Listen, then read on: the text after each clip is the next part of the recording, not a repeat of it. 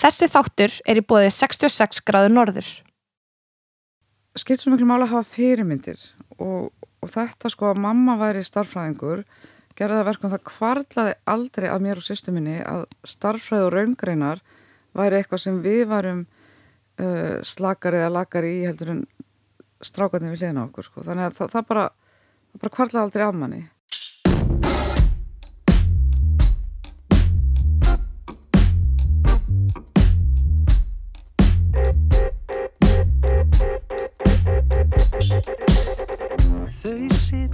Verið velkomin í þáttinn þegar ég verð stór.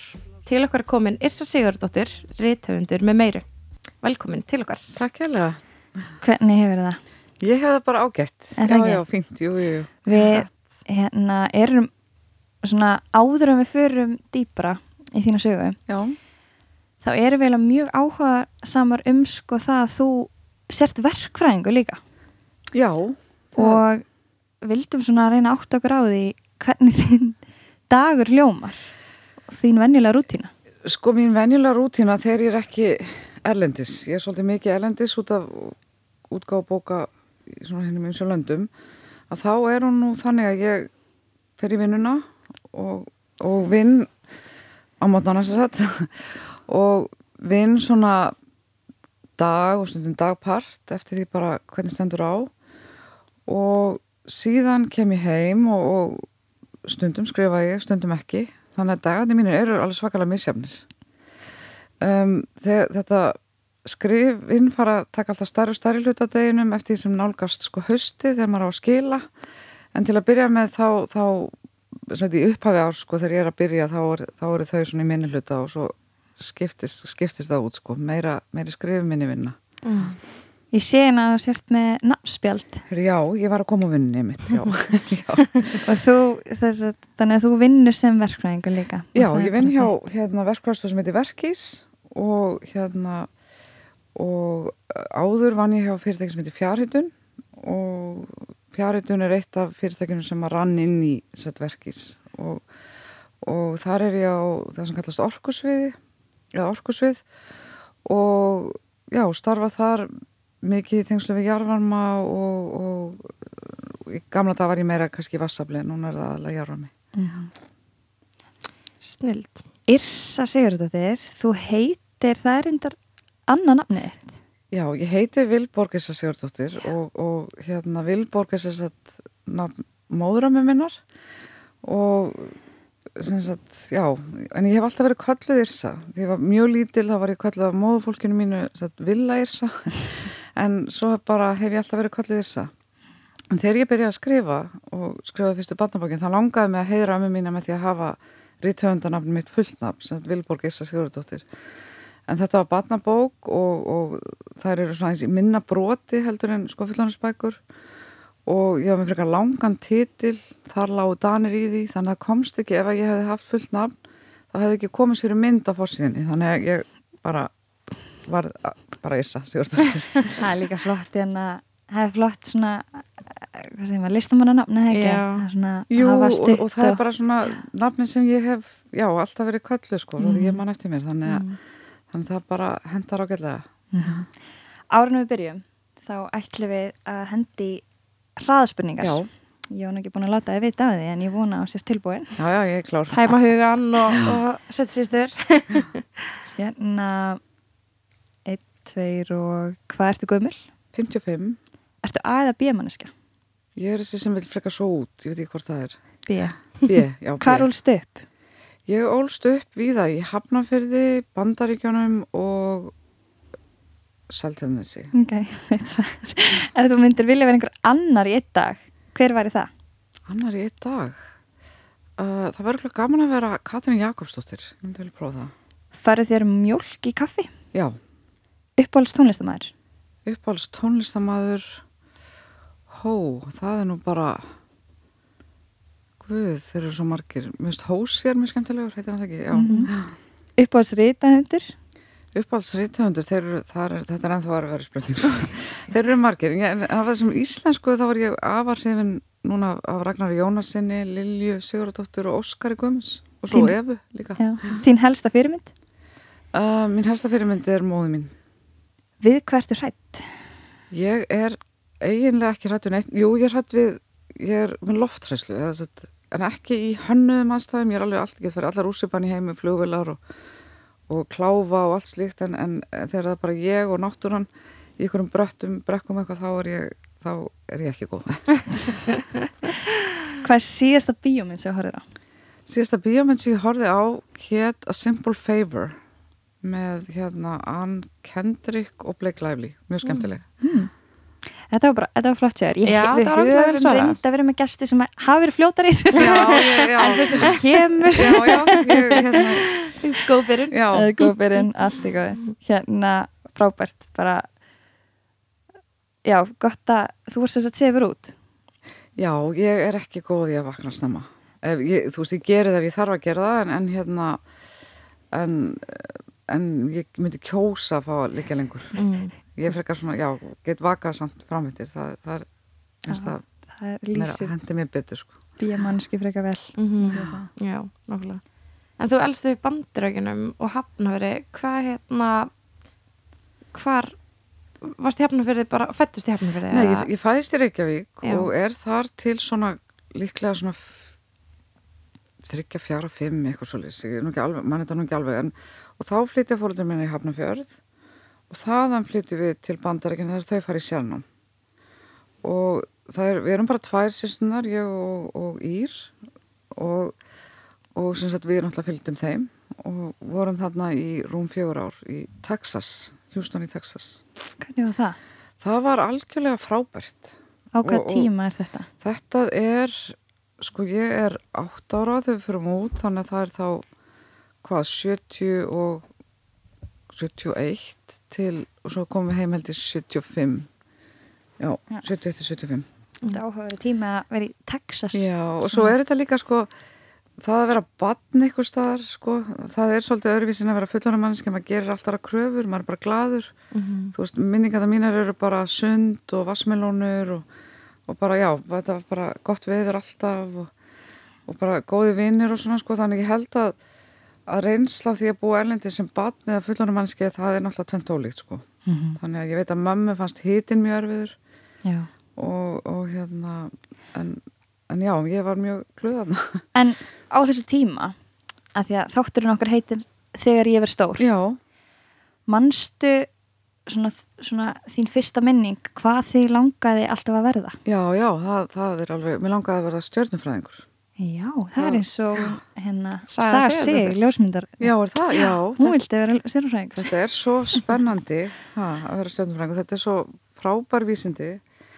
En, en svo fór alveg ægileg töðan á mér sko sem badni að þegar ég saði þetta við fólk, þetta er náttúrulega 70 eitthvað og meiri sér ekki um heim þá ef ég saði þetta á ennsku, mér langaði að verða astronomer, þá held allir ég vildi verða astrologer. Og á Íslandi því ég sagðist þá var einhvern veginn miskildi fólk mér held ég vildi vera stjórnspekingur og ef þú ert fyrir stjórnufræði sem vísindagrein, þá náttúrulega viltu alls ekki vera eitthvað haldið að þú vilji vera sko sem sagt í, í stjórnum speki Já, það er svona meira eins og stjórnusbá og Já, það. já, já, já. þannig að það er svona öllu svona já lengra burt frá vísindum Mhm. hreinu vísindum En þú veist, hefur alltaf verið mikil vísinda kona.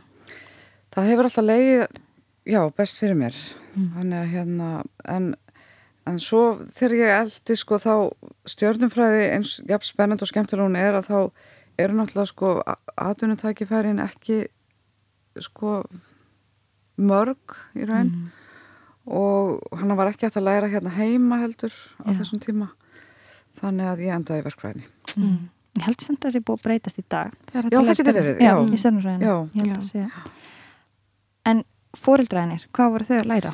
Sko, í- faði minn sem þetta er læknir og hann var þarna í framhansnámi að sé- að sérmenta sig í smittsjúdómum og móði mín er starffræðingur og hún var að taka doktorsnámi í starffræði og var fyrsta konan á Íslandi sem að verið doktor í starffræði. Já, ok. Þannig að hérna, þannig að það, Það var, er stórmerkilegt. já, það var mjög flott í hann. Mm. Þannig að þetta hefur alltaf svona leið frekar vel við þig, mætti segja. Já, sko, það má segja og, og það er svona, að segja, mjög ána með þetta, hérna, þetta hlaðvarp, að það skiptir svo miklu máli fyrir unga stúlkur og líka auðvitað unga drengi, en, en hérna, en það kannski hallar meira unga stúlkur í sambandi við svona fjölbreytni í vinnu eða gerði það allavega þá að þá skipt svo miklu mála að hafa fyrirmyndir og, og þetta sko að mamma væri starffræðingur gerði það verkum það kvarlaði aldrei að mér og sýstu minni að starffræð og raungreinar væri eitthvað sem við varum uh, slakar eða lakar í heldur en strákarnir við hliðina á okkur sko. þannig að það, það bara, bara kvarlaði aldrei af manni.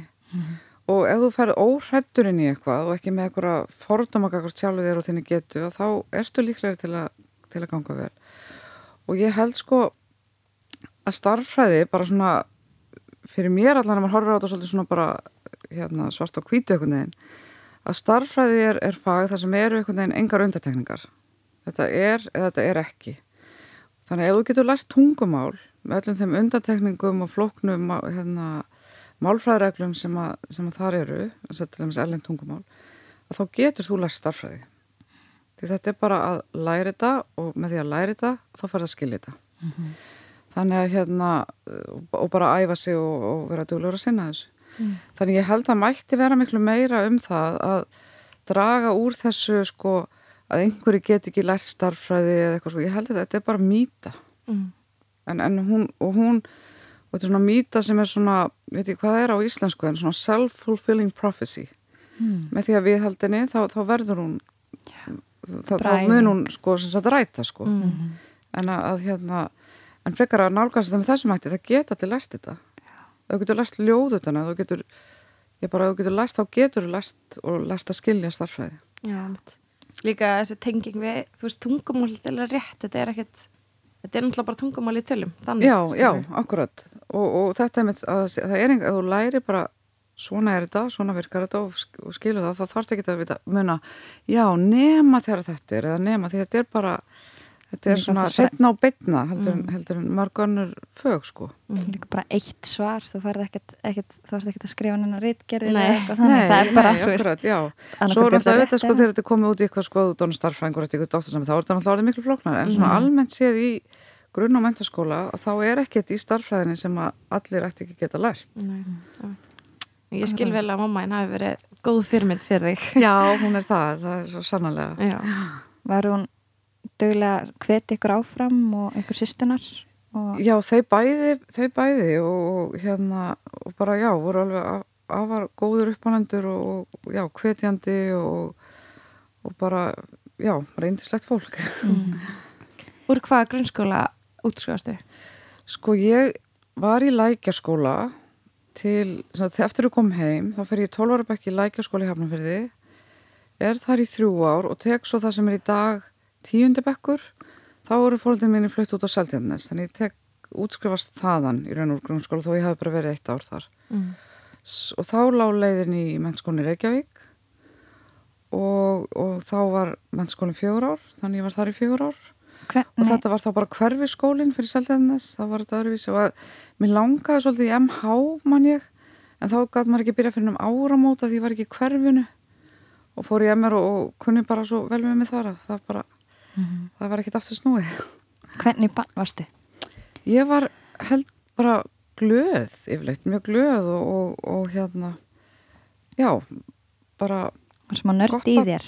Já, já, já, já, já, já, alveg hreint sko Stjörn, Stjörnufræðin allavega Já, stjörnufræðin og, og svo var ég mikill rosalega lestrahestur mm. og það er svona eiginlega kannski mín inganga inn í það að verða höfundur, það er bara ást á lestri og ég man síðast ári sem við erum út í bandaríkjunum þá er ég sagt, að vera 12 ára að um þau áramót þá ákveði ég að lesa eina bók á dag og vera með svona lista og vera með svona stílabók og skrifaði niður það mátt ekki vera eitthvað svona tinnabók eða var að vera bók Hvað er sér leng bók aldrei? Bara svona þetta voru þá bækur sem að svona krakkar lási sko mm. ekki, ekki þessar allra styrstu heldur, svona bók, Já. ég veit ekki hvað hva er að hafa verið kannski upp í 200 síður eða eitthvað. Mm. og svo hérna ég næði þessu alveg, þetta er á ammal í ágúst, þá fekk ég hérna gefins á hverjumanda kveli reyndar á ennsku, Gone with the Wind.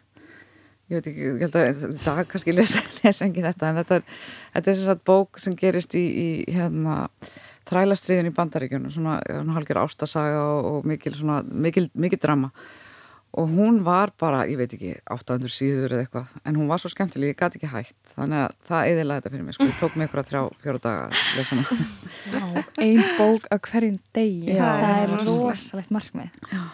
En, en þetta er sem sagt og það ást og lestri sem sagt já, hefur svona verið svona líka drifkraftur í mínu lífi sko. Mm. og, og er það sem að, eins og ég segi, var til þess að ég fór að skrifa.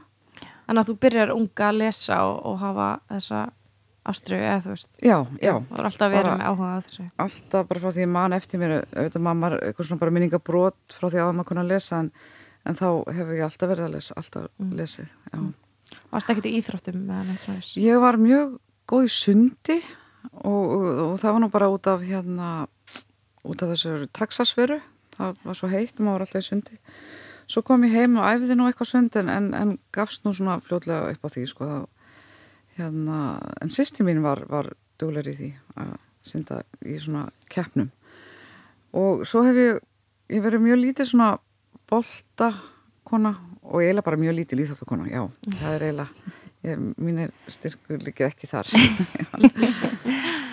Ertu að fara í MR hvernig ákvað braut ferði? ég fór á náttúrfræðbraut ætlaði sko þá var, ég man ekki hvað ég var nú að spá þar allir ég hef ekki ætlað að verða læknir líklega þegar, þegar þetta komið, eða svona hafa það, þann möguleika opinn. Þannig að svona þarna annarkor stjórnfræðingur læknir eitthvað, það kvarla aldrei að mér að vera verkfræðingur á, á, á þessum árum. Og, og já, þannig að þar var ég oft hérna fekk ég nú eitthvað svona ákúrur fyrir ég skrópaði svolítið mikið.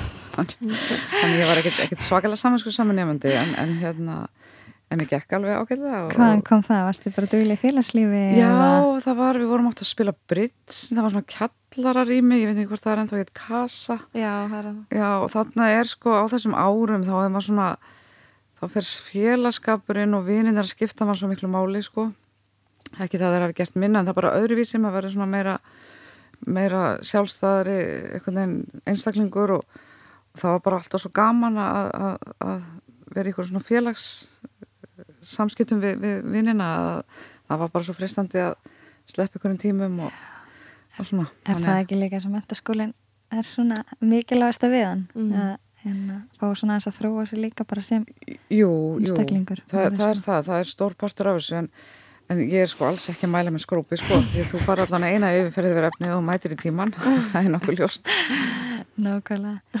Um, Og svo útskrifast þú úr MR uh, Varstu bara beinleið í verkvæðina eða? Já, já, og þá sem sagt er það þannig ég fer hérna útskrifstum voru og náðu nú ekki að vera viðstödd hérna útskriftina sjálfa, vegna að ég hafði ráðið mig hérna og nokkrar aðrar stelpur sem voru með mér hann í MR, útskrifst í MR við fórum að vinna á hérna MS Eddu hérna, það. Var ferja sem var ekki eitt sumar og uh, hún sildi sem sagt frá Íslandi til Þískalands og Englands, Breitlands og fóð svona rúmt e einu sinni viku. Svo til Bremerhafen og ég man nú ekki hvar við fórum í Breitlandi og við vorum, ég og, og, Helga Þóra Eðstóttir, vinkunum mín, hún, við vorum að reyka fríhafnina vorum, stað, fríhafni, vorum starfsmenn í fríhafni um borðið þessu, hérna, þessari ferju. Okay. þannig að, en við þurftum að fara sagt, áður en við náðum, að, náðum ekki að, vera við stættar útskriftina fórum hann að flugum til Danmarkur og fórum þar um borð. Og hérna og svo var sömarið í þessu og á meðan á þessu stóða var maður alltaf afal sjaldan í landi. Maður var nokkra tíma bara allt sömarið sem maður var á Íslandi bara þegar kom í höfn og, og, áðunum fór aftur. Að hérna þá voru fóröldar mín, ég, það hafði alltaf að sækja um læknarsfræði, en fóröldar mín átt að sjá, um að sækja um fyrir mig. Og þetta hefur nú örglega verið gert með minni vittnensku en í minningunni var það ekki, að það ákváðu að þetta væri nú, ég myndi nú aldrei þú veist, skrópari og, og svona, og næ, nætuvaktir og eitthvað vesen og, og, svona, að það væri nú kannski bara betra fyrir mig að, að prófa verkfræði heldur en læknarsfræði, þannig að í minningunni þá skráðu þau mig í þetta að mér fórspurðinni, en, en þau vil ekki meina þetta að vera þannig. Já. En ég meina á þessum árum þá er nú ekki margir að sækja um verkfræðina. Er það ekki svolítið svona frekar tiltölulega nýleg grein? Sko hún er tíma? ekki nýleg grein í skólanu sjálfum en það var ekki mikið um, um stelpur miklu miklu minna heldur er í dag og sérstaklega í sko, ég fer í byggingaverkfræði og þar eru þar er ég ein, ég, sko, fyrst ára kannski alveg að marka þar eru allir saman á þessum tíma, það var, var, það var kent ramasverkfræði, vélaverkfræði og byggingaverkfræði, bara þess að þrjár. Og það voru allir saman í, í, í tímum sagt, hérna á fyrsta ári. Þannig að maður vissi nú ekki alveg kannski hverju voru í, hvaða verkfræði en svo bara nefnum að kemur annað ári þá er ég orðin eina, eina stelpan sko í byggingaverkfræði og þannig helst það út útskriftina og við vorum mjög fá, við vorum eh, sko byrjum mörg á fyrsta ári en, en á öðru þriðu fjórða ári þá erum við í bekknum held ég átta, það var nú ekki meira. Og þú ert eina stelpan? Já, já, þannig er einn áttundi cirka já, cirka, já, heimitt, já. Vá, það er frekar svona breyttir tímar myndi maður segja. Hvað, er, hvað heldur að hlutvalli sé í dag hjá ykkur í verkfræðinni Vala? Uh, í rekstrarverkefni er það svona við erum stelpur eru svona kannski minni hluta en eins og heilbreyðsverkefni þá er eiginlega bara stelpur. Já, já, sem einhverju fjórir eða fimm strákar. Já Það er líka ótrúlega áhugaverð. Já, Svona það er bara fer hreyfing. svolítið eftir í hvaða verkefni fólk er sko, en er alveg frekar algengt að stelpur sé í verkefni Ég Hvað hugsa að í sé komið, mig? ég hugsa að sé komið sko upp undir bara 40% já, ég hugsa það sko. en ég hugsa að fæstar þeirra séu í ramasverkvæði og í það hátekni þar voru einhverjar fimm Já, með einhverju 20 stráka eða já, eitthvað. það var er þessi- mín Já, það er gott að ég hafa góða fyrirmyndir Já. eins og segir Hérna, hvað er það sem heitlaði mest við byggingaverkfræðina? Það er, sko, rammagn einhvern veginn hefur aldrei heillað mig mikið bara, og þá, þá er það kannski bara úr, sko, eðlisfræðin í mentaskóla, þá fannst mér hún síst eh, af því sem að, sem að var að læra, fannst mér rammarsverkfræðin leðilegust. En það er, það er einhvern veginn, kannski bara það að sjá eitthvað verða til og, og, og þú getur svo einhvern veginn vel setti inn í og skilið allt sem fer fram í, í tengslum við, við framkvæmdir einhvern veginn. Já. Þannig hugsa að það hafi, það sé hluti af því allavega. Mhm. Og í dag, ef ég ætti að fara að gefa sjálfur mér ráð sem, sem þá myndi ég líka kannski segja yngri útgáðan sjálfur mér að skoða kannski líka vélaverkfræði, ég held að hún sé líka afskaplega skemmtileg. Og náttúrulega núna er komið svo margt hátækni, alla, allar handa verkfræði sem ekkert var í bóði þegar ég var. Þarna í háskólanum Já, Ertu þá byrjuð að vera með smá auga stað á það að þið langar að vera reytöfundur eða ertu mjög Nei. fókusirið á námið?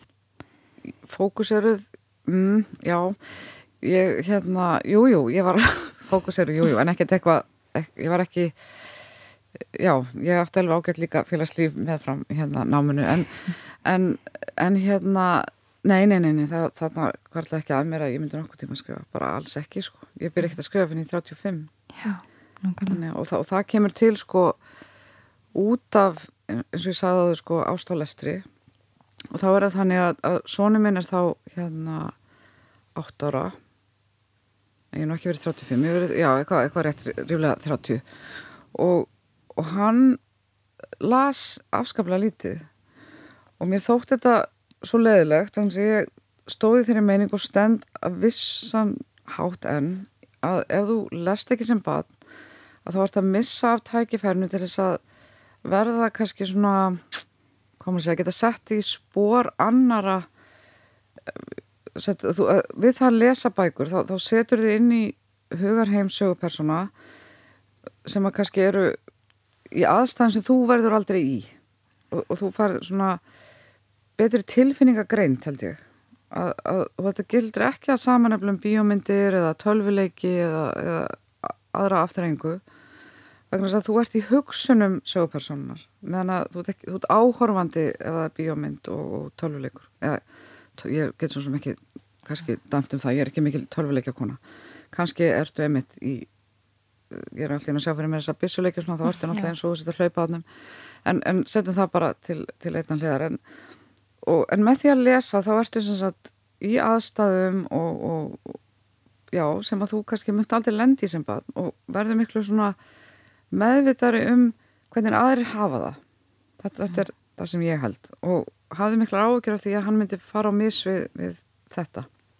Og fyrir viki kannski verða ekki jafn skilnings, skilningsrík manneskja og hann gæti orðið.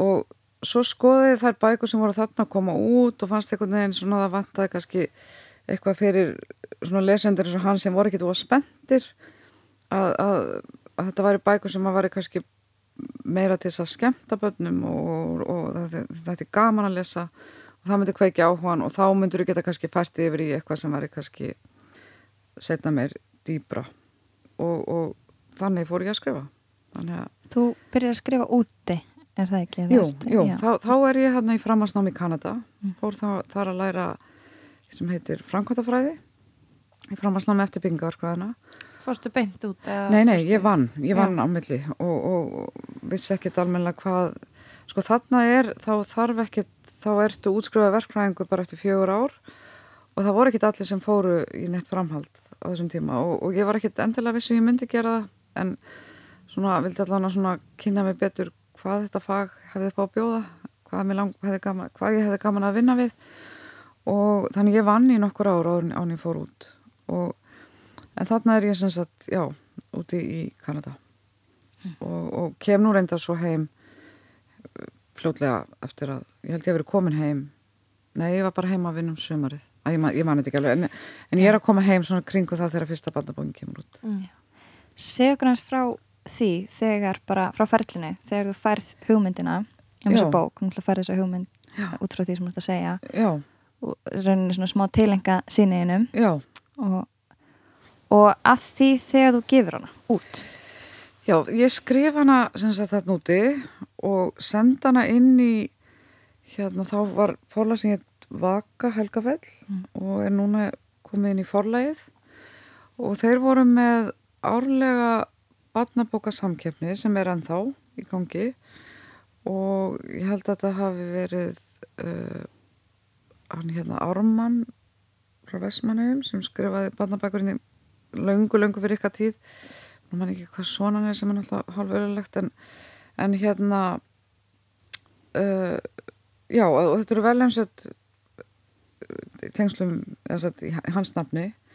Og ég sendi handritið inn og hann vann ekki en börnin í domlendinu voru svo hrifin af henni. Þannig að hérna þannig ég sendi hana þaðan til málum menningar sem var þá annar forlag og þeir vildu bara strax gefa hann út. Þannig að þetta var afskaplega óflóki ferli í sjálfu sér. Og ég held þetta eru nú orðin 20 ár síðan. Já 20 ár, meirin 20 ár já.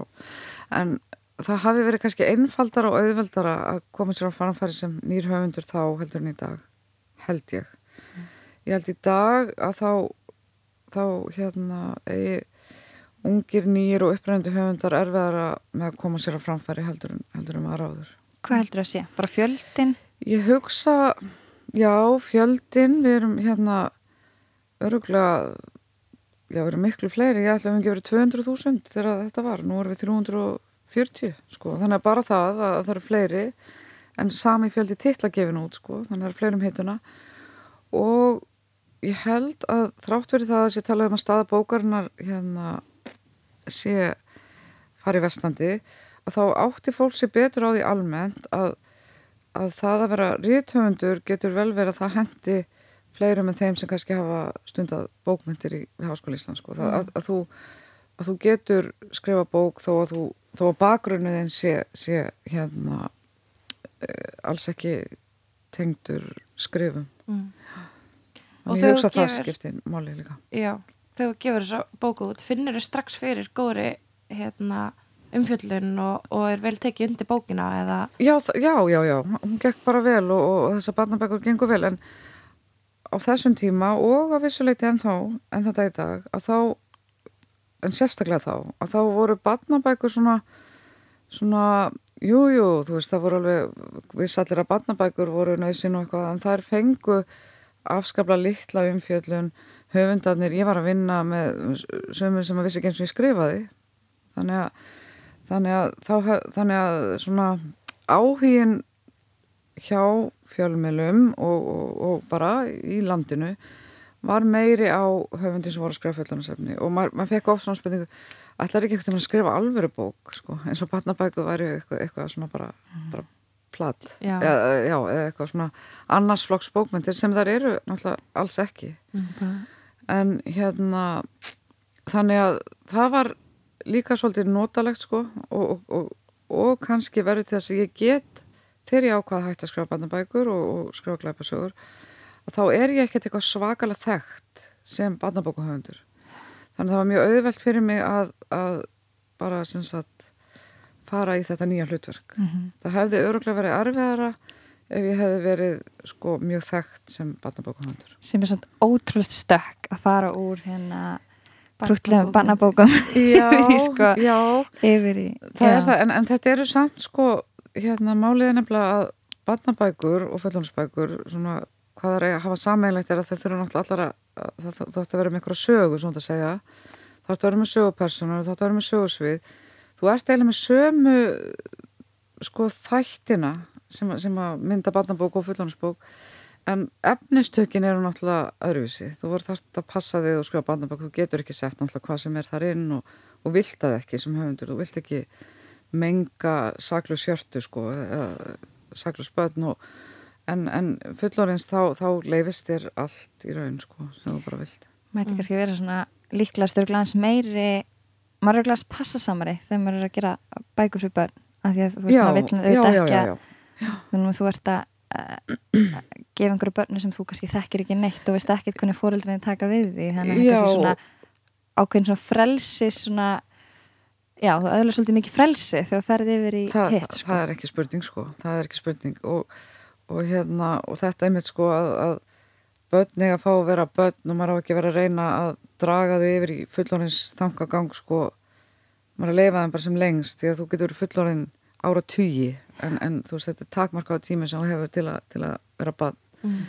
en svo var líka sko það sem að, að þetta voru svona bækur með húmor og ég var orðin bara alveg rosalega þreytt á að vera fyndin. Og það er eitt líka hér hefur mér fundist og er nú að breytast held ég mikið en að það var sko að húmor Íslandingar hafi ekki alveg svona eh, hvað maður að segja húmor hefur átt frek, þótti á þessum tíma þótti hann svona frekar svona uh, já, hann var ekkert hátt metin í raun sko af því að góður húmor og eins og hann er orðin til í dag með allum sem hérna, hérna þessum frábæru grínustum sem við eigum sko að þetta er bara alveg ótrúlega erfið og flott listgrein sko. En, en þetta hefur alltaf þótt svona kannski vera svona eitthvað svona annars flokks. Þetta er ekki, ég held að fólk átti sig ekki á því hvað þetta er hvað þetta er, er hérna hvað þetta þarf mikla hæfileika. Og ég er þá ekki að tala um sjálf með sem höfund Nei, skilur, ég er að tala um þessa, þessa hérna þessa um, uppistandara algjörlega eins og svo þetta uppistand er alveg, alveg bara snild og, og alls ekki að öllum gefið sko maður bara fær sko að bara horfa á það þá fær maður bara eitthvað kökk í hálsin bara hvað maður er stressaður sko. Já, þetta er já. alveg þetta er miklu meira heldur en, en maður svona gerir sér grein fyrir Já. held ég mm. En þegar þú kemur heim eh, ræður þið samt í verkfræðvinnu þegar þú kemur heim eða? já, já, já, ég kem heim og fer þá að vinna sem sagt hérna hjá, hjá fjaritun Mm. og þá við Nesjavallavirkjun sem var þá verið að og ertu bara að skrifa bara svona já, Þegar þú kemur heim eða- já, já. Og þetta sko þarna er ég þá er dótti mín sko bad og, og lítil bara á, á leikskóla. Og, og þá er ég að vinna sko fulla vinnu skrifa badnabækur og með ung, ung badn og það er það er snúið. Mm. það er snúið, en hérna í dag er þetta bara lúksu sko, það er börnin uppkomin og, og hérna uh, já, þannig að minn frítími er bara, er bara minn frítími sko. Þannig að, þannig að ungir höfundar með, með ungar fjölskyldur þeir, það eru þeir sem maður á að dásta sko. Já. varstu, fegstu góða aðstóð þegar þú varst með í þessum tveim hörku vinnum og með já, mjög, mjög, barn og fjölskyldu? Já, mjög. Ég gerði það, mamma og, og pappi og tengdafóruldur mínir og, og svona ég var alltaf hérna átti alltaf mjög auðvelt með til þess að fá pössun og geta unnið fram eftir og, og seint. Því það er líka eitt sko að koma inn í, í, í sko uh, þarna allavega og nú, nú er þetta allt auðvitað náttúrulega mikið breytt sko en, en þegar ég er þarna að byrja að vinna og eftir ég útskrifast ég að vinna hjá Vertaka og er þá fyrsta konan, ég heit Ellert Skúlason og var í Keflavík og það voru einhverjum vegafrankvæmdum og vera hérna, endunja lagnir og eitthvað Stór, stórt vasslagnaverkefni og þá er ég fyrsta konan sem er áðandi fyrirtæki sem var ekki matselja sem var já, ekki vinna bara í matsalja já, já, já og, og þá hérna hvað ár er þetta? 97? Þetta er nei, nei, nei, þetta er 80 eitthvað sko mm. Já, þetta er 80 okay. eitthvað og, og hérna og það var frábært, þetta var svo gaman en þegar þú ert svona kannski ég vil nú kannski ekki segja þetta var, ég verið eitthvað það en ég var með þeim fyrstu sem, að, sem er svona kona sem fer út í þetta framkvæmda framkvæmda dót sko hoppun í skurð og hérna og þá sko verður líka að að áttaði á því að þú að þar sem að eftir er koma að vera svolítið dæmdara því hvernig þú ert. Þannig að það þýr ekkit að vera að hlýfa sér mikið og, og það að maður þurfi þá kannski að jafnvel og ofta tíðum að standa sér betur heldur en maðurum vil hérna það, það er bara allt í leið þá var hann bara að sér við það og gera það en þess að ef þú stendur þig ver eða, eða hérna já, bara ert ekki nokkuður þá þá ert þú að eidilegja fyrir þeim sem eftir koma sko. mm. þannig, og, og partur af því er að þú þarf þá kannski að, að líka vera tilbúin til þess að, að vinna mikið ef, ef þetta er þann, þess, þess slags starf sem þetta var vinna fram eftir og, og vera til staðar þegar á þarf að halda og þetta hafa menn í mörgum, mörgum störfum gert sko bara já, frá því að bara atvinnu vegir sköpust hér mm. og, og, og það þarf sko tíma til, a, til að breyta þessu þannig að þetta hendi þá og auðvitað, auðvitað þeir, hafa þeir þá fórnað sko mm. en í dag held ég að ungi feður myndu hérna já mikið og unga mæður vilja, vilja vera eða meiri tíma með fjölskyldunni. Mm, en þarna var þetta bara svolítið öðruvísi sko. yeah. og þá, þurftum, þá bara tók maður þátt í því sem ef þú ert að stíga inn í kallastar þá bara þá gerur þá hægt og róla hefur þetta svo breyst sko. Mm -hmm. öllum til hagspota maður sér það sko, miklu meira og meira já, sem betur fer bara þótt að þessum ekki um samt land í land sko. En já, það já, var ótrúlegt um þessi, þessi hérna og þarna var náttúrulega ekkert sko fæðra álof eða eitt en eitt slíkt sko þetta, e, þegar það að bæta fætja svona þetta var bara mm -hmm. en hérna, þannig að ég held að sko heimi vestandi fyrir er ekki, ekki rétt ég held að það er svo margt sem er á, á uppleið mm. og, og, og auðvitað verði ykkur svona tvöskur fram eitt aftur eitthvað svona en, en, en almennt sé held ég að heimurinn sé alltaf að vera betur og betri mm. Algjörlega Þú byrjar sér sagt já að skrifa. Gefi fyrstu barnabókina sem heitir hérna, Það lág danir í því já. Já, Það lág danir í því sem er frekar langt já, það er frekar langt, já, já. og 1997 er það ekki rétt? það gæti allavega um það leiti já, jú, líklega er það hérna komið út 1997 hefur með áræðilegar heimildi og upp frá því byrjar byrja þá bara boltin að rulla eða ertu svona bara aðeins að bara svona byrja að feta þig fyrir í þessum heimi Nei. og hvena tekur þið svona almennilega stökki bara, heyri, nú ætla ég að hætta og ég ætla að byrja að, sem, að skrifa um glæpa Já, sko, ég skrifa þessa bók sem kemur á 97 Já. og svo var bara bóka ári í, þar eru þið fimm bóka ári þá var ég orðin svolítið svona þreytt. Og ákvað bara, já, ég er ekki bara ágætt? Ég hætti bara að skrifa og, og ég hérna uh, tók held ég tvö ár frí frekar neitt frá skrifum og ætlaði í raun og vera ekkert að skrifa neitt meira. Svo réði ég mig sem hérna eh, staðan hér tækni stjóri fyrir eftirliti með, með hérna stíplónum og, og, og hérna göngunum upp í Kárnjungum já. já, svo vinna fólst í því að, að hérna að ég var í burtu í tíu daga og kem heim í fjóru daga. Og að þannig upp á upp hérna á svæðinu sagt, mikil fjárvera frá, frá hérna, heimili. Og þá var náttúrulega bara svo kjörið að nota kvöldin til að skrifa. Þannig að þá ákvæði ég aftur að, að byrja að skrifa. Það hafði samband um mig hann Pétur Már hjá hérna sem að hjá, þá nýstofnið fálega seint veröld og hann þekkti mig úr bandabóka dótun og spurði hvort ég hefði eitthvað áhuga á að prófa þetta. Og, og, og það sem ég hef mjög gaman að gleipa og lesa þar mikið þá, þá hérna fannst mér þetta góð hugmynd. Og ég hafði meiri segja þegar ég skrifaði bandabækunar þá var vinkona mín í, í bókabransan ég spurði hann og ég sagði hann mér langar svo að skrifa gleipa hvað, hvað heldur þú? og hún sagði bara ertu bara klikk, þú sleftu því það er engin að lesa Ís, Íslendingar skrifa glæpa svo þetta er glötuð húminn mm. þannig að á þessum tíma að þá bara hefði það ekki gengið sko Akkur ekki? Það bara, ég held að það tók hérna, fólk einhvern veginn fannst glæpir í glæpasögum eru svolítið svona ólíkir því sem þú sérð almennt í raunverulegum glæpa eh, já, glæpa málum hvort sem það nú hér eða elendis að ég hugsa að fólk hafi bara, að útgefndur á tali að það var mjög ólíklegt að íslenski lesendur myndi kaupa þetta sko, að þetta var að gerast. Íslenski lesendur voru mikið fyrir glæpasögur en að þeir myndi bara ekki alveg geta maður finnir þetta svo sem ennþá sko. Ma, er svona, það er óraunverulega eitthvað eitthvað svona hræðilegt morðmáli eða eitthvað gerist á Íslandi Já, sko. það er ekki mikið til um Nei, maður finn, maður fattur hvernig það kemur.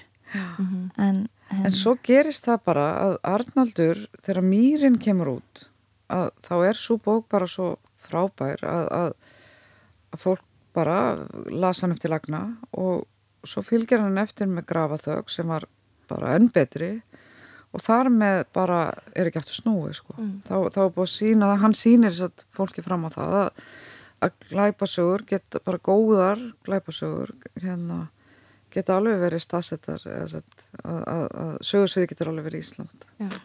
Þá, þá breytist þetta mjög mikið. Mannst eftir, veist, hvernig var því tekið þegar þú og gefur út þína fyrstu glæpasög? Henni var bara tekið vel sko, hún seldist vel og, og það hérna það förðulega var sko hún seldist út bara byggð á eitthvað skonar ég bjóð til svona, svona heitir synopsis á ennsku og, og hérna og ég held ég, ég held hún að veri sko seld til held ég 13 landa held ég áður en ég var sko búinn og það var pínlítið svona aukinn stressfaktor sko Þín fyrsta glepsa? Já, já, ég held, ég man nú ekki alveg fjöldan en það var eitthvað, eitthvað öru með við tíu minnir 13, já Hvernig virka það þá? Ertu þá að, að sagt, Ertu bara með einhvern aðila sem að þú... Já, þá er sem sagt forlægið sem er hjá Sett Veröld og Pétur Már fer þá með, hérna þá eru svona sölusýningar og, og svo stærstaðir í, í Frankfurt á höstin og, og svo er einn í London á vorin held ég. Og þar fara útgefundur með, með bækur, oftar en ekki eru það nú fullskrifaðar og eru að kynna þessa bækur fyrir hérna... Uh, bókaforlögum erlendis og hérna eða umbósmenn og þarna er hann umbósmaðurinn minn satt.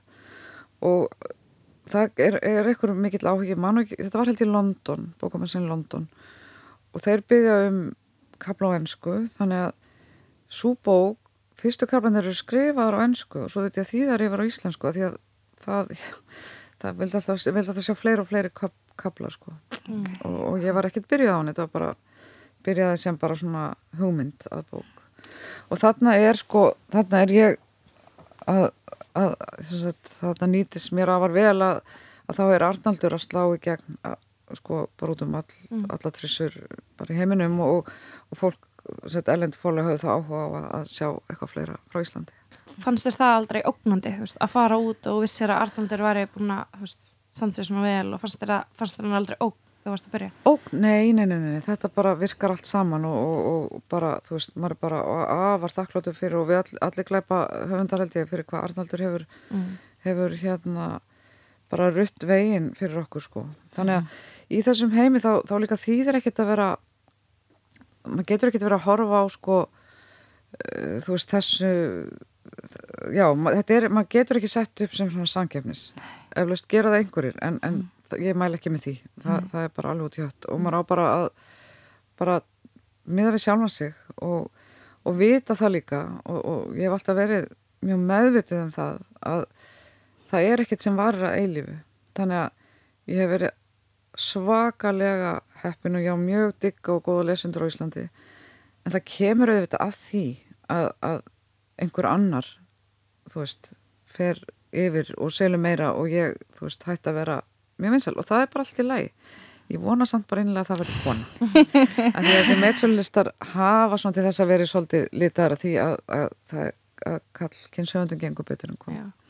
Finnst þér það almennt vera svona, áriðendum að svona, það eru ekkit margar konur í þessum, sko, þessum tegundum að bókum, þú veist, gleipa Jú, það er nefnilega alveg fullt sko. Mm. það er alveg fullt og, og, hérna, og erlendis er þetta og ég held að þetta sé svo bókmyndagrein þar sem okkur sem konum er eiginlega já, tekið jákvæðar í raun sko mm. og maður sér það á því að úti þannig að það er ekkert á Íslandi en, en úti að þá ef þú sérð höfund í gamla daga, ef þú sást höfund sem var með upphastafi P.D. James til dæmis uh, J.K. Rowling að þá er þetta kona sem að vil sleppa fyrir hotna einhver geti haldið þetta að væri maður að skrifa þannig þú kaupir bókina að þá veitur ekki þessi kona því að það einhvern veginn seldist verið að það var kona Mm. í dag þá þekki ég uh, par, eða par eru tveir menn að skrifa saman og þeir skrifuðu fyrst undir held ég hvað var það A.J. Kaczynski og þá er það til að fela þeir eru kallminn Mm. og svo skrifaði núna undir eitthvað nafni sem er eitthvað annað eitthvað þannig að þetta Vá. hefur breyst en það er í, sagt, það er í þessum glæpasum Mm.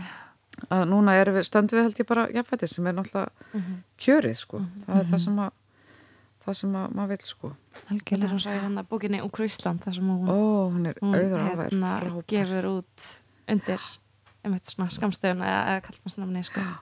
það er akkurat þetta Já. sko. ég hef átt að nefna þegar ég var að tala um aðan hverju var upp á sér þá hefði ég átt að segja hún er frábær höfundur Já. bara sko snillingur Mhm, frábært. Þegar þú hérna ert að skrifa bók getur aðeins líst bara ferlinu þú veist, ferðu bara hugmynd og þú veist, hvernig byrjuð til karaktera og personur og þú veist, hvernig gerist þetta? sko þetta er oft, þetta er svolítið misjamt millir bóka og það, það fyrir þá eftir hvort maður er að skrifa, ég hef skrifað bæði serjur eða svona bókaflokka og fyrsti var um Þóru, lagmanni Þóru og ég skrifaði sex í því svo tók ég nokkrar svona bara stakarbækur sem að, sem að bara byrja og enda og, og þar persónum koma allir aftur fyrir. Og er núna að skrifa sett uh, bókaflokkin um, um hérna uh, Huldar og Freyju. Og er að byrja núna á sjöttu bókin í, í þeim flokki. Og þegar maður er að skrifa í svona bókaflokk þá náttúrulega byrjaru að þú ert með uh, aðalpersonar þegar mótaðar. Þú þarft auðvitað að láta þar þróast eitthvað í, í hverju bók en, en þú ert samt með svona uh, helstu leikundur mætt, þeir eru mættir. Um, hvað var það hugmynd þá er það misjans, stundum er það staðsetning sem að ég bara verð mjög hrifin af og langar að skrifa um. Stundum er það eitthvað sem ég heyri í útvarpinu uh, eitthvað sem ég lesi fréttum eða, og þá fyrir ég að hugsa betur hvernig gæti þetta hérna svona orðið eitthvað spennandi hérna bók, stundum er þetta gömur glæpamál. Um, og en það er bara ekkert nóg sko. Og svo byrjar maður að hugsa og hugsa og hugsa og oft skrifa í nokkra kabla bara til að sjá hvernig hérna reyna að finna svona tónin og, og svo fer ég og les þá aftur yfir eins og ég væri bara lesandi. Og þá finnur maður oft sko ok, þetta er bara ekkert nóg, það vantar eitthvað meira fút í þetta og, og þá reynir ég að bæta ykkur sem ég finnst spennandi eða langar að fjallum uh, oft er þetta eitthvað sem að er kannski hitamál í, í samfélaginu. Að því að til þess að eitthvað frá í morð það er náttúrulega eitthvað sko svakrægt að hafa gerst. Að það, það, sko, ég nenni ekki að skrifa um eitthvað sem drepa bara eitthvað svona raðmorðingja vittlisa sko sem að veist eitthvað sem drepur ljósarar konur í, í bleikum peysum eða þið veitir sko. Það, ég finnst það þurfa að vera svona að morðingina að minnst kosti telja eitthvað réttlætingu í því sem hann er að gera. Og þá er það oft hefur reynst mér vel er að skoða með það sem að er að svona fara afvega í samfélaginu. Að, að skoða það og hugsa bara ok, þetta er hræðilegt, þú veist, hvað þetta verið ennþá verra. Ef ég tek bara verstu mögulegu útgáfi af, af þessum, þessari þróun og, og, og, og svo spinn ég svona eitthvað út frá því. Mm. en personur það hérna það er smíða maður bara svona einhvern veginn í huganum sko. Og það er mótast og, og maður þarf að passa sig sko í skriftaferlinu að, að vera trúr personum að það í töðan á mér sem lesanda ég er að lesa um eitthvað sem að sko tekur eitthvað kúvendingu í personleika því að yfirleitt er það ekki í raunin sko, fólk, fólk breytist lítið og, og, og, og hægt. Mm. það er ekkert sem breytir manneski á eitthvað svipstundu farði oft innblástur frá fólkinu kringu fyrir karaktera, þú veist, finnst þér að taka þannig? Nei, ég hef forðast það, mm. ég reynir, sko, auðvitað eru allir karakterinir sem bókum byggðir svona, eitthvað svona mósæk af því að fólk sem er hefur hitt á lísleginni en, en ég forðast það að taka eitthvað mannesku í mínu nánastu umhverfi og, og setja hann í bók og breyta nafnin og háralit, skilju, það, það er bara það er bara ekki held, ekki spennandi sem höfundur að gera og, og bara það er svolítið svona virðingaleysi líka hvert fólki mm -hmm. Þannig að þú fær mér bara svona frá fólki sem að Já, ég, já, ég býta svona til í já. en bækandi menn ég er að skrifa sko þá spila ég þar svolítið bara það er að spila eins og bíómynd í höðun á mér ég get ekki alveg líst, þetta hljómar mjög aðstæðanlega en ég sé senundan fyrir mér sko menn ég er að skrifa þannig að hérna það hjálpar mér mikið sko mm. og sko að því þú ert nú verkfræðingur Já. Það er svona oft hort svolítið á þá með einhverjum þröng sínum svona þeir séu með þröng sínir og sé lítið hugmyndaflög sem ég, mér finnst þú algjörlega hafa afsann þessi spjalli. Já. en ég hef heyrt að þú sért hérna, einu verkfræðingur eru á landinu sem notar Excel. Það kemur að já, já, já, já einmitt, það voru aðalið mistakjá mér að sko þegar þeirra fyrsta hérna, fullaninsbókin kemur út þá allt í hennu verð ég áhugaverð persóna alltaf komið í viðtölu og svona, af því ég er að skrifa fyrir fullorðna sko. Og eitt af því sem ég sagði í ykkur viðtali og ég ætti kannski að taka eitt fram viðbót að þegar að þetta gerist og, og maður er ferin að þykja allt í hennu og ég var eiginlega óáhugaverðari mér finnst sko því aldrei sem að verða því minna áhugaverðar finnst mér ég verða en ok uh, að þá hérna að þá er verið að ræða mjög mikið að konur vil ekki koma í viðtöl. Það sé erfiðar að fá konur í viðtölu konur voru minni í fréttum og konur voru minna í viðtölum bara í útvarpi og svona. Og ég ákvað þá ég ætla ekki að vera þessi kona. Ég bara, ef, að, ef ég beður um að koma þá kem ég. Ef ég mögulega, mögulega get. Og gerði það og, og, og núna svona, þú veist ger ég minn af því. Af því maður, það er kannski maður vil alls ekki að það sé meira frambóð af manni heldur en eftirspurn mm. í svona, svona fjölmjölum sko, þetta er svo lítið land náttúrulega.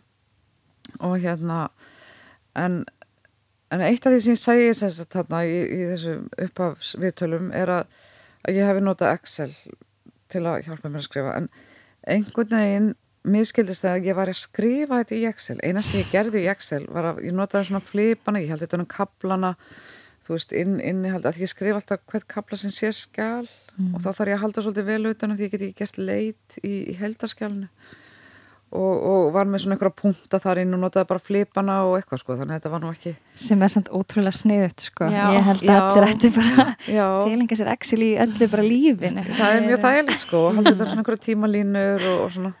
En, en hérna, og það voru bara aðlæst flipanir sem að, sem að gera verka mikið hvað er saman þetta? En útrúlega sniðt En þegar þú ert að skrifa svona hérna sériu ertu þá búin að ákveða fyrirfram að verði séria eða skrifur eina bók og svo bara já ok, mest skemmtilegt að halda áfram þessa kartra Ég hef verið búin að ákveða það í bæðiskiptin, já. já. Og líka sko maður veit, maður er mjög veðvitaður sko um í rauninu sko, eins og þegar ég skrifa bók sem er bara einn og sér að þá, það er svo mikið frelsi sko þetta hefur allt kost og galla. En þegar maður er búin að skrifa marga bækur í sériu þá fannst mér alveg svakalegt frelsi fólki því að, að bók sem mun ekkert vera neitt framhald á að þar getur þú þar eru alla personar sko geta verið fegar þú veist, þú þarfst ekki að passa eitthvað sérstaklega upp á eitthvað eða passa þig að, að taka ekki alla sögu þessara personu þú veist, að svona treyna ná út eitthvað á marga bækur og svona. Að þú getur bara þú veist, þú hefur þetta plás sem er þessi bók til þess að afgreða þessa sögupersonur eitt skipti fyrir öll. Mm. og það er frelsi, en það er líka uh, hérna erfiðar af þessu leiti að þurfa að koma með allt, alla nýja sko. Mm -hmm. þannig að þetta hefur plúsa á mín þess að bæði. Mm -hmm.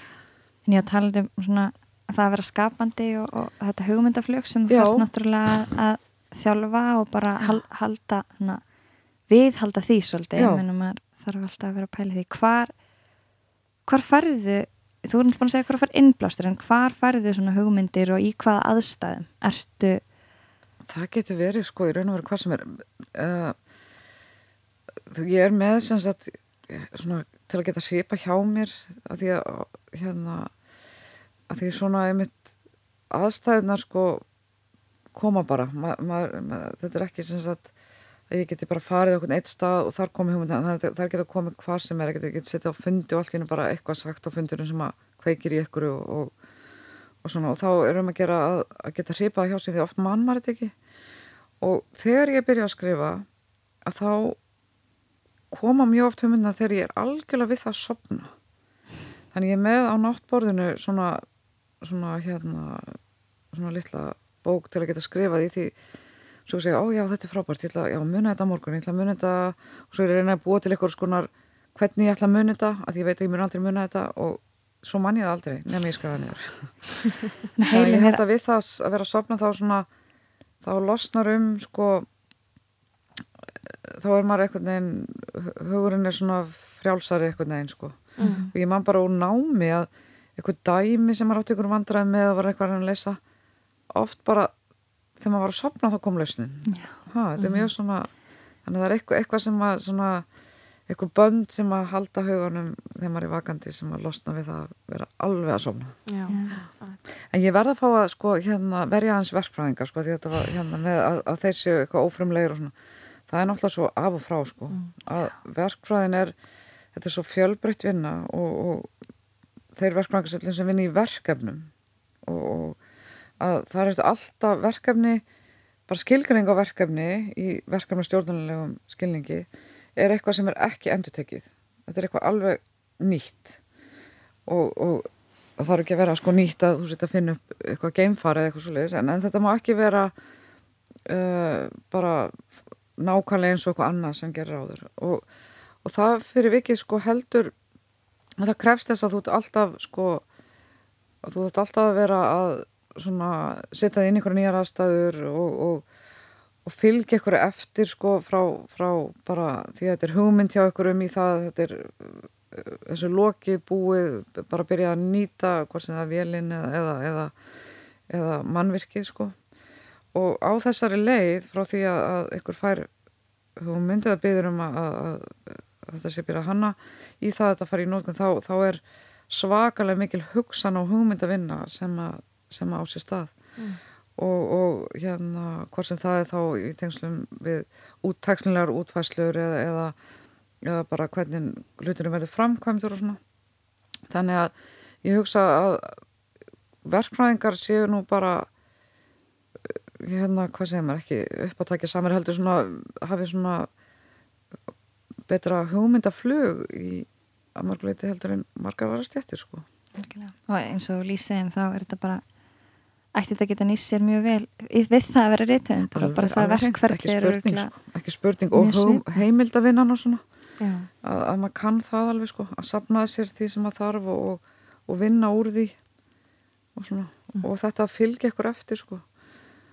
Það er alveg Mhm. En þegar þú hérna, byrjar að skrifa bók uh, þú segir að þú ert ofta að spila þetta svona eins og bíómynd í haustum já, finnst þú aldrei þurfa að kúpla þig út eða ertu bara á því tímbili sem þú ert að skrifa bók bara að, þú veist, þú ert alltaf að hugsa um bókina eða nei, nei, nei, ég er hvernig- alveg að vinna með, með og svona sko, nei, nei, ég, hérna nei, það er líka heldur ekki kannski gott. Og stundu tekum maður sér bara, þú veist, að ég tekum bara smá frí frá þessu og, og þá kemur aftur kannski feskari að, að hérna, að skjálnu en ég, mér hefur einhvern veginn tekist, ég hef aldrei lent í að fá svona rítstýplu eða, eða neitt slíkt. Og, og það er bara ég held að það sé líka þetta sem ég var að tala um áðan sko, að það er ákveð frelsi fólki í því að, að vera meðvitaður um það að ok, ef ég get ekki skrifa bók hvað þá, það, þá bara get ekki skrifa bók. Þá kemur ekki bók og ég bara fer aftur að vinna 100% það er ekkit, það er ekkit ræðilegt það er fullt af öðru fólki sem getur það bara skrifa frábæra bækur sem að fólk les.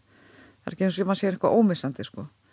og ef maður hérna ég held að þetta sé partur á því að að maður er ekki sko neitt stressaður og því stress held ég búið til reytstýplu stress og óöryggi. Mm. þannig að ég bara, þú veist, ég mun örgulega ekkit skrifa bók, bækur alveg onni sko kistuna sko. Þannig að, það er bara fínt þú veist, það er bara til nóga fólki sem getur skrifa frábæra bækur. Skrifar það mikið heima hér? Já, mest er skrifa heima, já. Ég fer stundum erlendis og það er mjög skritið, mér er mjög gott að vera sko, svona þegar ég er í hápunktinum sko á þessu skriftaferli finnst mér mjög gott að fara eitthvað út við sjó, ég verði að vera við sjó ég veit ekki okkur það er. Og það sem ég þarf ekki að hugsa um neitt og þetta var sérstaklega sko þú veist það er bara, þú veist að hóteli bara séðum allt, þarf ekki að spá í eitthvað svona og þú veist hvað er kötturinn, eitthvað svona sko, þú bara ert bara annað og getur bara hugsað um þetta ekkert annað. Og, og ekkert, þú veist hvað er í matin eða neitt, þetta er bara, bara aðri sem sjá um þetta fyrir mann mm. mér það mjög þælt, ég ger það oft kannski svona viku tíu daga til að svona koma mér endanlega þú veist, koma svona yfir og maður sjáu til lands í raun Hvað ertu sirka lengi að skrifa eina bók? Sirka lengi, sko þetta er eitthvað tíma voru þetta á tíðanbili var ég búin að finna að þetta voru held ég eitt ár og, og nýju dagar eða eitthvað svolítið því ég var alltaf að færa sko skilin aftur um nýju daga. En, en svo tók ég minn og taki og, og náði að vinna það tilbaka því að út af hvernig bókamarkan er á Íslandi það var alltaf bækur í harspjaldabækur eftir íslensku höfund að þurfa að koma út fyrir jól því það er ekki grundvöldu fyrir slíkum bókum. Það geta komið út sjálfsögðu í hérna í uh, vassabróti en, en harspjaldabækur þurfa að koma út fyrir jólin og það þýðir að þú hefur sko hérna þarfst að skila náttúrulega handréttinu til að ná inn í, inn í þennan hérna inn í þetta jólabókaflóð. Og þú verður að skila því einhvern tíman á haustin. Ég vinn þetta þannig, ég skila kabla og kabla ég skil ekki allir handréttin í einu. Og þannig kaup ég mér auka tíma og get verið að skrifa nær nær útgáðdegi heldur en ef þú skrifar allt, skilar í einn fara tilbaka. Og þarfst að fara kannski að vinna í einhverjum einhverju sem, sem þurft að laga og hefur áhrif kannski út bókina þannig að, mm.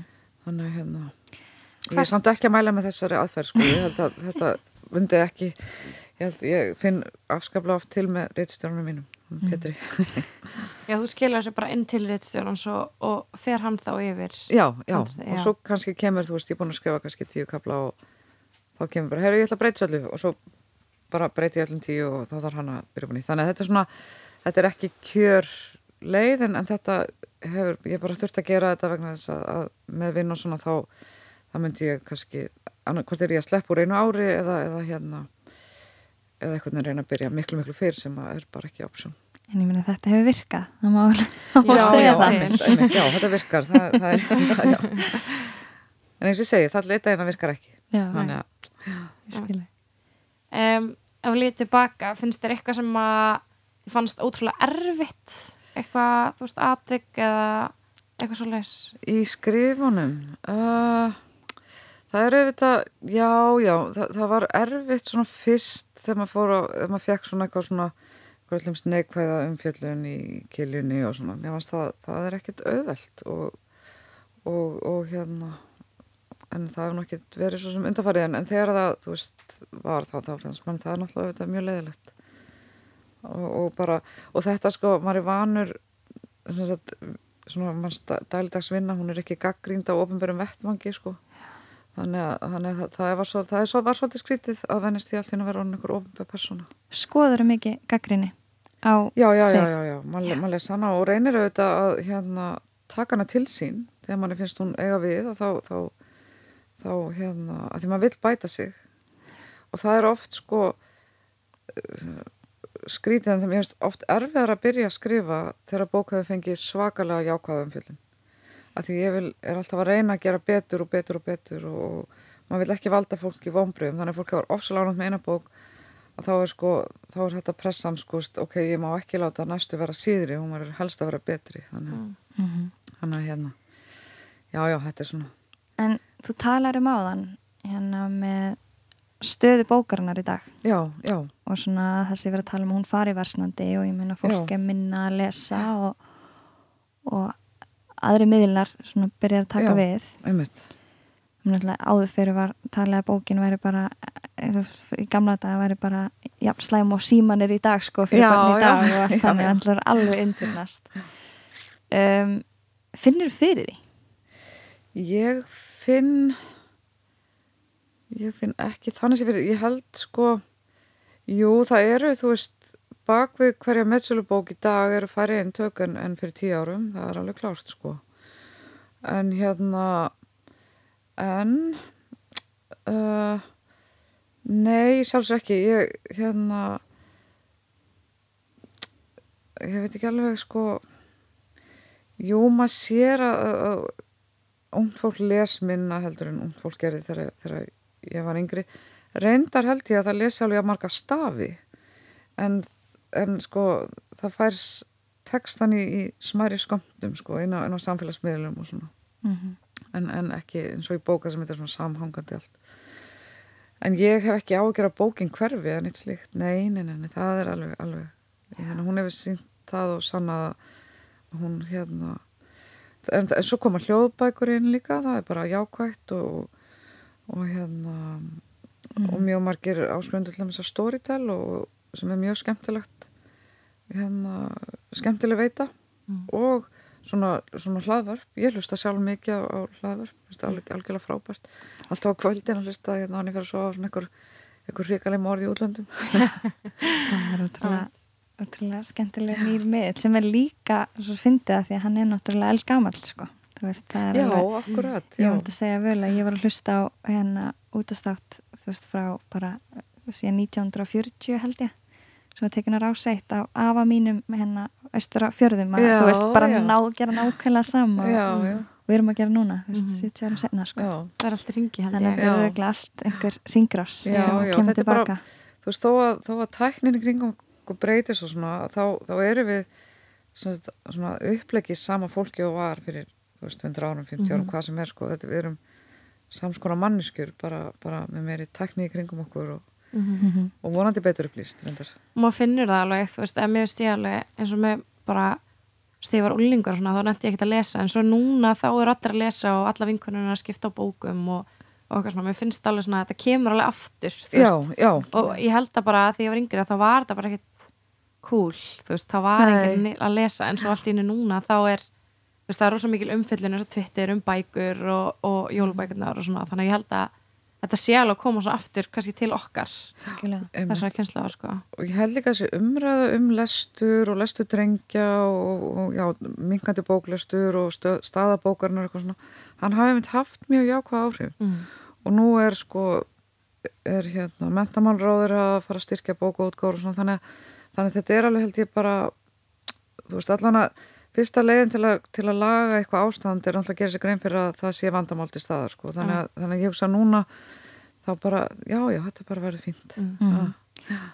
þú gafst út hérna, eða þú gafst nú ekki út en það kom kvikmynd já, hérna, emmitt ég man þig. Já, sem var, er það ekki fyrsta jú, það er Bíómyndin fyrsta, jú, sem er- jú.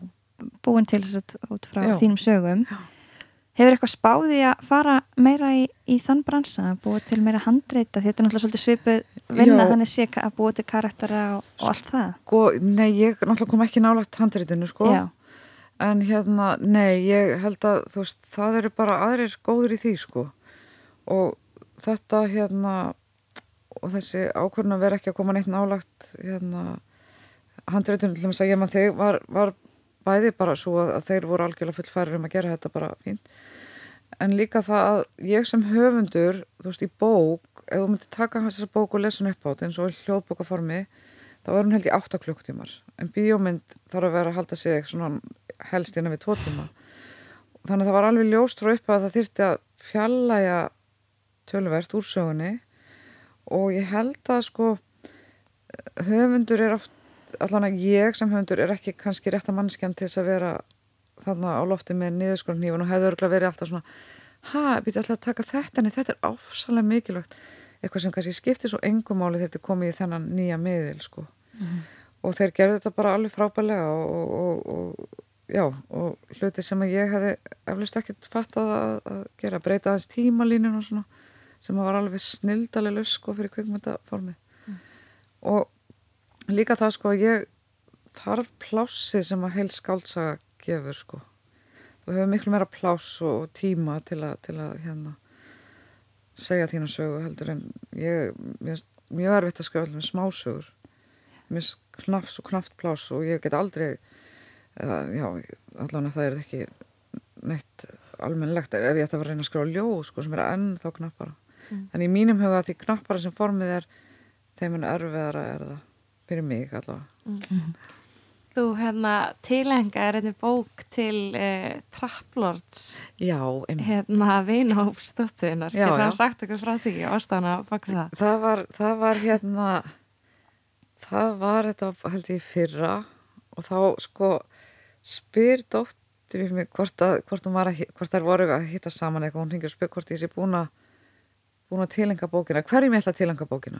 Og ég er búin að svo marga bækur sko þannig að ég var ekkert farin að hugsa út í það. Hún sér, ertu til í að tilenga hana trapplords og það var bara alveg, algjörlega sjálfsagt mál sko. Það er ég sko alveg skilið að fá hérna bók, þessi tilengum bók sko. Já, frábæra stelpur. Já. Hefur þú fengið marga spurningar út í hvað Já. hverjum bókinni tilengu? Já, það voru margir sem held að þetta var hljómsveit. En ég hef ekki alveg ennþá fengið á reyndi á þeim hvað sko, fyrir hvað stend eða hvernig það er byttu neyra á þetta trapplort ég veit Mm. ekkert hvað trapplort er. Það eru bara vinahópur hjá dóttur já, Já. já, Já. ok. Það eru mjög hérna flottar vinkonur og eru með alveg svona það er trapplorts ársatíð og eitthvað svona. Mm. wow. þannig að þetta var svo bara auðsótt mál sko. Mm. það er Hérna, hvernig er tilfinningin? Nú hefur, þú veist, bókin verið gefin út á ymsum tungumóluna Já, finnst þér að, veist, hvernig finnst þér tilfinningin að, bara hver sem er út í heimi getur henni að lesa bókina hérna? Það er bara, veistu, ég hugsa bara aldrei um það. Það er bara ég fer náttúrulega auðvitað mikið út og hitti þá hérna lesendur og svona já, ellendis en þetta er bara einhvern veginn svo þetta er æðislega frábært, ég er rosalega glöð með þetta sko, það má ekki miskilast að ég sé að gera eitthvað lítið úr, ég er mjög ána með þetta en, en þetta er bara ekkert eitthvað sem maður hugsa um.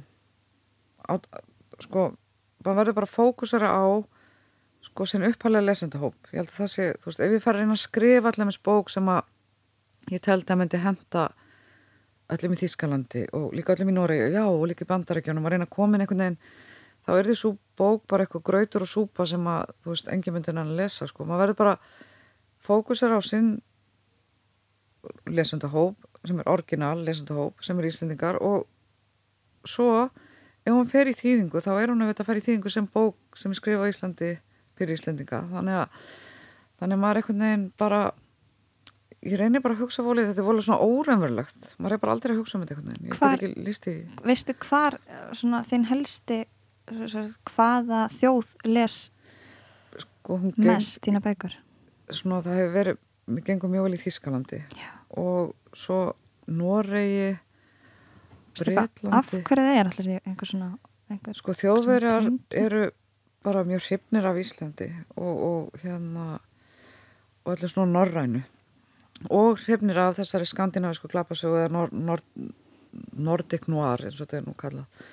Að það, það, mér gengur yfirleitt vel þar sem að, að þar sem að slíkum bókum gengur vel. Þannig það er, já það þýskalað mér gengur vel í Danmörku uh, Noregi Fraklandi Pólandi já þetta, þetta er Já. Evrópu og allt í lægi bandaríkjunum sko ekkert eitthvað frábært en bara fínt sko Mhm. hefur einhvern tíman svona uh, lifa þig vel inn í einhverju sögu sem þú hefur skrifað og kannski ofel Eh, Já, ég sko svo saga sem kannski held ég hérna uh, sem ég svona drós hvað mest inn í einhvern veginn tilfinningarlega var bók nummer tvö um Huldar og Freyju sem að hét nú man ég ekki hvað hún hét sem er alltaf alveg afar vandræðileg hún hét uh, Sóið, geta verið. Mhm. já, Sóið, já og þar, þar er ég að skrifa um þetta var, svona, þetta var mjög erfitt efni að skrifa um. Þetta er um svona hérna uh, kynferðslega mitsknotkun á börnum og eitthvað svona. En ég er ekkert að lýsa því innum smáturum en, en, en þetta bara, ég var svo reið því ég var að skrifa þetta og, og var bara búin að kynna mér svona gömul mál þar sem að þetta var mjög illa haldið á svona málum og, svona, og ég var bara mjög reið og þannig að ég var svolítið ofbeldisfull í þeirri bók út af þessari reiði bara haldið mm -hmm. En svona aðlokum að þá spyrjum við oft uh, viðmaldur hvað ætlar að verða þegar það var stór? Já, ég hérna ég er byttur nú við, já þannig að allir var ekki bara já, allir fari ekki bara kaup mér bara almeinlega stjörnukiki og ég bara svona áhuga áhuga kona í stjörnufræði en afseint fyrir mig alltaf að fara að læra læra hann á einhverju háskólastíð en hérna Jú, allir ég gerði ekki. Þegar ég hætti að vinna og hætti að skrifa þá, þá bara ætla ég að fá mér stjórnukíki. Mm, Lýst vel að. Er einhver, er einhver svona ráð sem þú hefur til bara allra þeirra sem bæði hafa áhuga á bókmyndum já, já. eða verkfræði eða bara að blanda þessu saman sko bók ef þú hefur áhuga að skrifa að þá hérna að þá myndi ég mæla með því að ef þú hefur ekki lesið mikið að gera það en einhvern veginn efast ég nú reyndar um að þeir sem er ekki mm. alls ekki að lesa fara eitthvað að skrifa en, en og það að að sko gefast ekki upp, ég held að mjög margir byrji, eru komnið með eitthvað og svo eitthvað neginn uh, ertu kannski komin í miðbygg þessum út að skrifa um og þú veist ekki alveg hvað þetta halda áram, það er þá bara einmitt að leggja þetta frá þér og hugsa þetta bara. Ef ég væri lesandi, ég hef farið út í búð ég hef keift þessa bók ég væri komin hinga hvað þætti mér gaman að myndi gerast? Eða hvernig myndi ég vilja sjá framvinduna? Að reyna svolítið að setja sig í spór lesandans þegar þú ert að skrifa. Bara ég myndi að þú setja að lesa þessa bók og þú setja að skrifa þessa bók fyrir þig sem lesanda fyrir þá sem ætli í verkfræði þá myndi ég klárlega að mæla með því að taka alla þá starfræði áfanga sem er í bóði út í áfangakerfi og að sinna raungreinunum vel eða ert í bekkakerfi mm -hmm. og bara, já. Og segir að gefast ekki upp. Gefast ekki upp, já. Það maður myndi kannski halda ekki það að ég hef einhvern tíma sest niður og skrifa bók en maður svona heyrta því að það sé kannski það sem stoppar marga bara það að halda áfram og, og svona Já. að framfylgja þeirri hugmynd og pælingum Já. og svona með hvað gerir þú til þess að það gerist ekki? Sko ég bara eins og ég segi ég tek sko þegar ég er að skrifa þá segjum ég að ég komin á það steg sko ég er svona til mig vita svona hvernig þessi saga er og eitthvað svona búin að skrifa þá skrifa ég þessi fyrstu tíu kabla les þá yfir eins og ég sé lesandi hugsa mig um í einhverja daga og, og hvað mér finnist sko slagt og ótrúverðt og eitthvað svona og hvort ég get ekki bætt þetta með einhverjum hætti hvort ég get ekki sett eitthvað annað, eitthvað kannski aðra annan þráð með fram og svona. Og svo fer ég og laga þessa tíu. Svo er ég búin með 20 og ger ég aftur að sama og svo 30 aftur að sama og þá er ég komin bara að, eiginlega að enda. Mm -hmm. þannig að þetta er, þetta er sko auðvitað þarf hver og einn að finna, finna sinn svona rithma í þessu en þetta að gefast ekki upp og átta sig bara að hafa í huga líka allan tíman að þú getur alltaf farið og lagað og breytt. Þú veist, við erum ekki að skrifa þetta þú veist, hökkut í stein eða, eða hérna með eitthvað fjara penna sko. Þú veist, þú getur alltaf farið og lagað. Og hlusta líka á þú farið eitthvað að lesa yfir láttu það þá vera eitthvað sem þú treystir uh, og eitthvað sem að sko stendur þér nærri eitthvað sem þú treystir og, og þegar að sáinsami kemur með, með aðtóðsendir að átta sig á því að þær eru einlægar sko.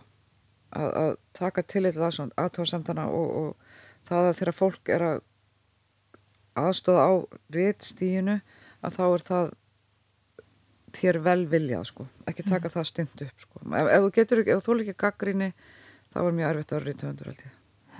Verður að geta tekið henni sko svo mm. maður eða kona.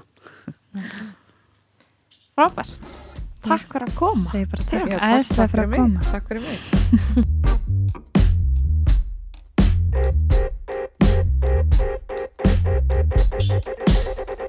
Þau sitja eftir með auð sætisblás til begja handa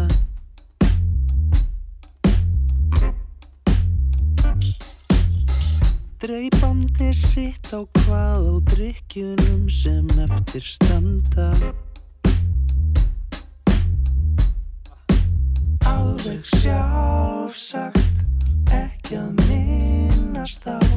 Láttu vaða, leistu skjóðu frá. Ég segi engum, svo krifjast hjartans mál og einhvers andadýr er panda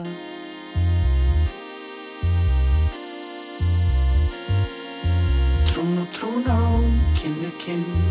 Þú og ég og einhver vinnu þinn. Trún og treyna, trún og við halda.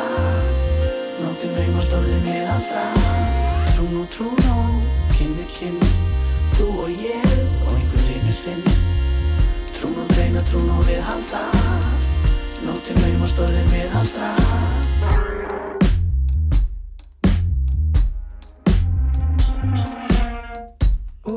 svo krumpuð bæð og breytt því það er langt um liðið